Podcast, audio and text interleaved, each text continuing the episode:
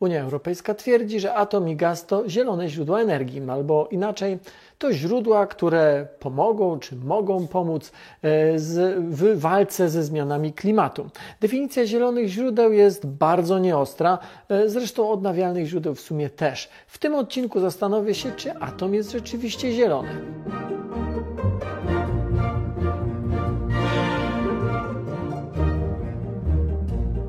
Łatwiej byłoby odpowiedzieć, czy atom jest źródłem odnawialnym. Otóż nie jest. Ale zanim o tym, czy jest zielonym, e, trochę kontekstu politycznego. Od lat nie tylko w Unii toczy się dyskusja polityczna gra, e, polityczna i biznesowa, czy atom może być rekomendowanym źródłem energii. Źródłem, e, w które można inwestować po to, by walczyć ze zmianami klimatu. I jak dla mnie sama ta dyskusja jest jednym z wielu dowodów, że klimat to nie tylko temat naukowy, ale także oczywiście polityczny i gospodarczy i społeczny. E, I choć od strony naukowej nikt dzisiaj nie ma wątpliwości, że klimat się zmienia, jakie są czynniki, które na te zmiany wpływają, e, Polecam przy okazji moją serię mm, e, pod tytułem Jak działa klimat, znajdziecie ją tutaj, a także w opisie do tego filmu. Mm, tak w polityce o jedności, czy o jedność, czy o konsensus jest bardzo trudno, a czasami wnioski czy rekomendacje polityczne totalnie przeczą tym naukowym. W przypadku atomu e, tak właśnie jest, bo w skrócie mówiąc, jeżeli zmiany klimatu są napędzane emisją gazów cieplarnianych, to próba ich ograniczenia powinna polegać, czy spowolnienia powinna polegać na wyborze takiej technologii, która te emisje ogranicza, która te emisje ma bardzo niskie albo zerowe. A tymczasem tak nie jest. Do niedawna atom w Europie był, albo w zasadzie w Unii, e, w ogóle był na cenzurowanym, choć od wielu już lat wiadomo, że bez tej technologii nie da da się ograniczyć emisji m.in. dwutlenku węgla. Rozwijamy się, zużywamy coraz więcej prądu, a wciąż znaczącą, a w niektórych krajach bardzo znaczącą część energii uzyskujemy z reakcji spalania.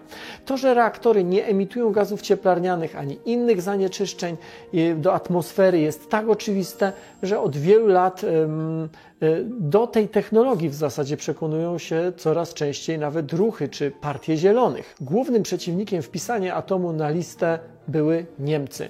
Nie po to budują bezpośrednie połączenie gazowe pod Bałtyku z Rosją, żeby teraz tolerować w Europie jakiś atom. Nie po to chcą sprowadzić więcej gazu niż im potrzeba, żeby teraz z tym gazem zostać w magazynach, tylko po to, by go sprzedawać w dużych ilościach innym krajom.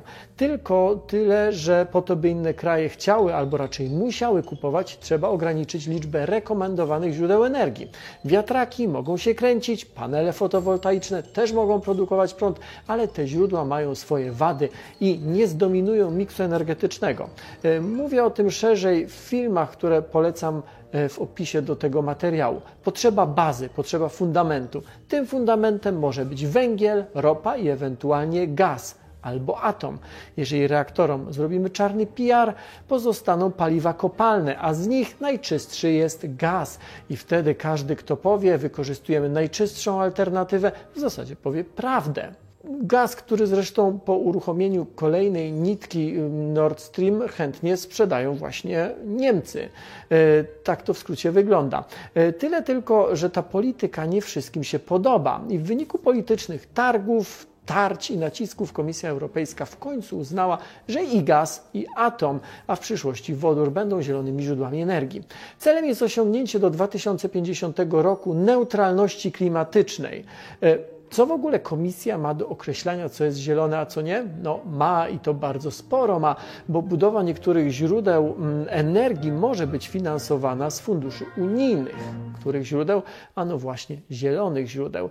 Nie ma szansy na pozyskanie dofinansowania na inwestycje, które nie są zrównoważone, a zrównoważone to takie, które prowadzą do ograniczenia emisji gazów cieplarnianych, czyli te z listy zielonych źródeł.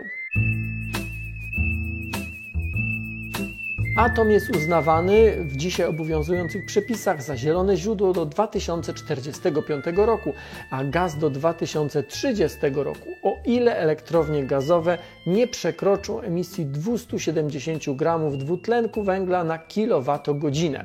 Po to, by osiągnąć ten wynik, trzeba się posłużyć pewnym trikiem, bo średnia emisja ekwiwalentu CO2 na kilowatogodzinę w elektrowni gazowej wynosi prawie 600 gramów, a nie 270.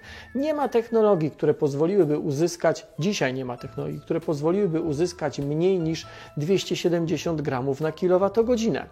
No chyba, że domieszamy do gazu ziemnego biogaz. Ten jest uznawany za zielone, za zielone źródło, bo mm, w sumie słusznie zakłada się, że biogaz nie zwiększa w krótkim okresie stężenia e, gazów cieplarnianych w atmosferze. Nie zwiększa, bo choć go spalamy, pochodzi on z roślin, które chwilę wcześniej, sezon wcześniej albo kilka sezonów wcześniej dwutlenek węgla pochłonęły, żeby rosnąć pierwszym przybliżeniu, spalając biogaz, wyemitujemy tyle dwutlenku węgla, ile pochłonęły rośliny, z których biogaz pośrednio powstał. Więc jeżeli zrobimy odpowiednią mieszankę gazu ziemnego i biogazu, wtedy możemy w pewnym sensie osiągnąć wynik 270 gramów na kilowatogodzinę w technologii gazowej. W rzeczywistości ten obraz jest nieco bardziej skomplikowany, ale o biopaliwach, w tym o biogazie zrobię osobny odcinek. Jeżeli nie chcecie, żeby ten odcinek Was ominął, zapraszam do subskrybowania kanału Nauka to Lubię.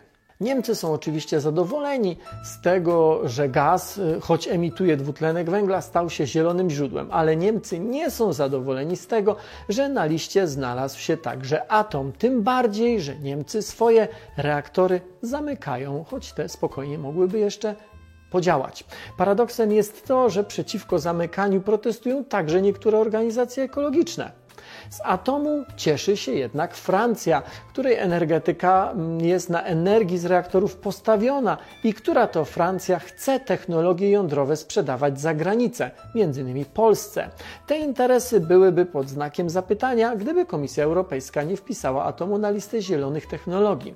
Więc, żeby dwa większe czy największe i politycznie, i gospodarczo kraje Unii były zadowolone, zielony stał się i atom i gaz. I nie ma co udawać, że nie jest to decyzja polityczna, bo oczywiście jest. Zresztą Polska też lobbowała za tym, żeby atom stał się zielony, bo mamy nadzieję przeznaczyć pieniądze z Funduszu Sprawiedliwej Transformacji Energetycznej, bo tak, tak Fundusz Sprawiedliwej Transformacji Energetycznej. Więc pieniądze z tego funduszu mamy e, ochotę przeznaczyć na budowę reaktorów. Gdyby reaktory e, nie stały się zielone, nie moglibyśmy tego pewnie zrobić. Jeżeli kryterium zieloności będą emisje CO2, atom za zielone źródło uznać można, nawet trzeba, ale gazu żadną miarą już nie. I mnie nie przekonuje argument, że gaz jest przejściowy, bo w perspektywie 20, a może nawet 15 lat zastąpi go wodór. Może zastąpi, a może nie zastąpi, to się dopiero okaże. Przed chwilą wspominałem, jakie, jakie emisje wiążą się z produkcją energii z gazu. To między 350 a 450 CO2 gramów e, ekwiwalentu e, CO2, ekwiwalentu, dlatego że w to jest wliczany także metan, e, CO2 na kilowatogodzinę. Z węgla to mniej więcej dwa razy więcej, mniej więcej z węgla to dwa razy więcej, między 700 a 750. Dla paneli fotowoltaicznych emisja wynosi kilkadziesiąt gramów na kilowatogodzinę i jest związana nie z samym działaniem paneli, bo w trakcie ich działania nie ma żadnej emisji, ale z ich produkcją i logistyką. Logistyką mam na myśli tutaj m.in. zamontowanie, transport i zamontowanie paneli na przykład na dachu. Energetyka wiatrowa emituje trochę mniej niż słoneczna. Pod tym względem, pod względem samych emisji, energetyka jądrowa jest zieleńsza od energetyki wiatrowej i od energetyki słonecznej i wielokrotnie zieleńsza od energetyki wodnej. O gazie czy o węglu w tym kontekście w ogóle nawet nie ma co wspominać, bo ich emisje są o rzędy wielkości większe od emisji związanych z budową i działaniem reaktorów jądrowych. Ale gdyby spojrzeć na to szerzej, popatrzcie na ten wykres. Po lewej jest bezpieczeństwo dla ludzi zaznaczonymi ofiarami śmiertelnymi przeliczonymi na terawatogodzinę mm, dla różnych źródeł energii. Po prawej stronie jest emisja na terawatogodzinę. Spójrzcie na węgiel i na gaz zarówno na emisję, jak i na niebezpieczeństwo technologii, w które wliczone są także ofiary związane z zanieczyszczeniem środowiska. A teraz popatrzcie na atom, wiatr i słońce, które i w kategorii niebezpieczeństwa, i zatrucia środowiska, i emisji gazów cieplarnianych są w tym samym przedziale i znacząco odstają na plus od źródeł kopalnych, z gazem włącznie. I co tu jest zielonym źródłem, a co nie? Nauka to lubię, nie tylko na Facebooku YouTube. Zerknijcie na inne filmy i na www.naukatolubię.pl, a dane, na których opierałem czy oparłem ten odcinek, znajdziecie w opisie do tego filmu. Dziękuję.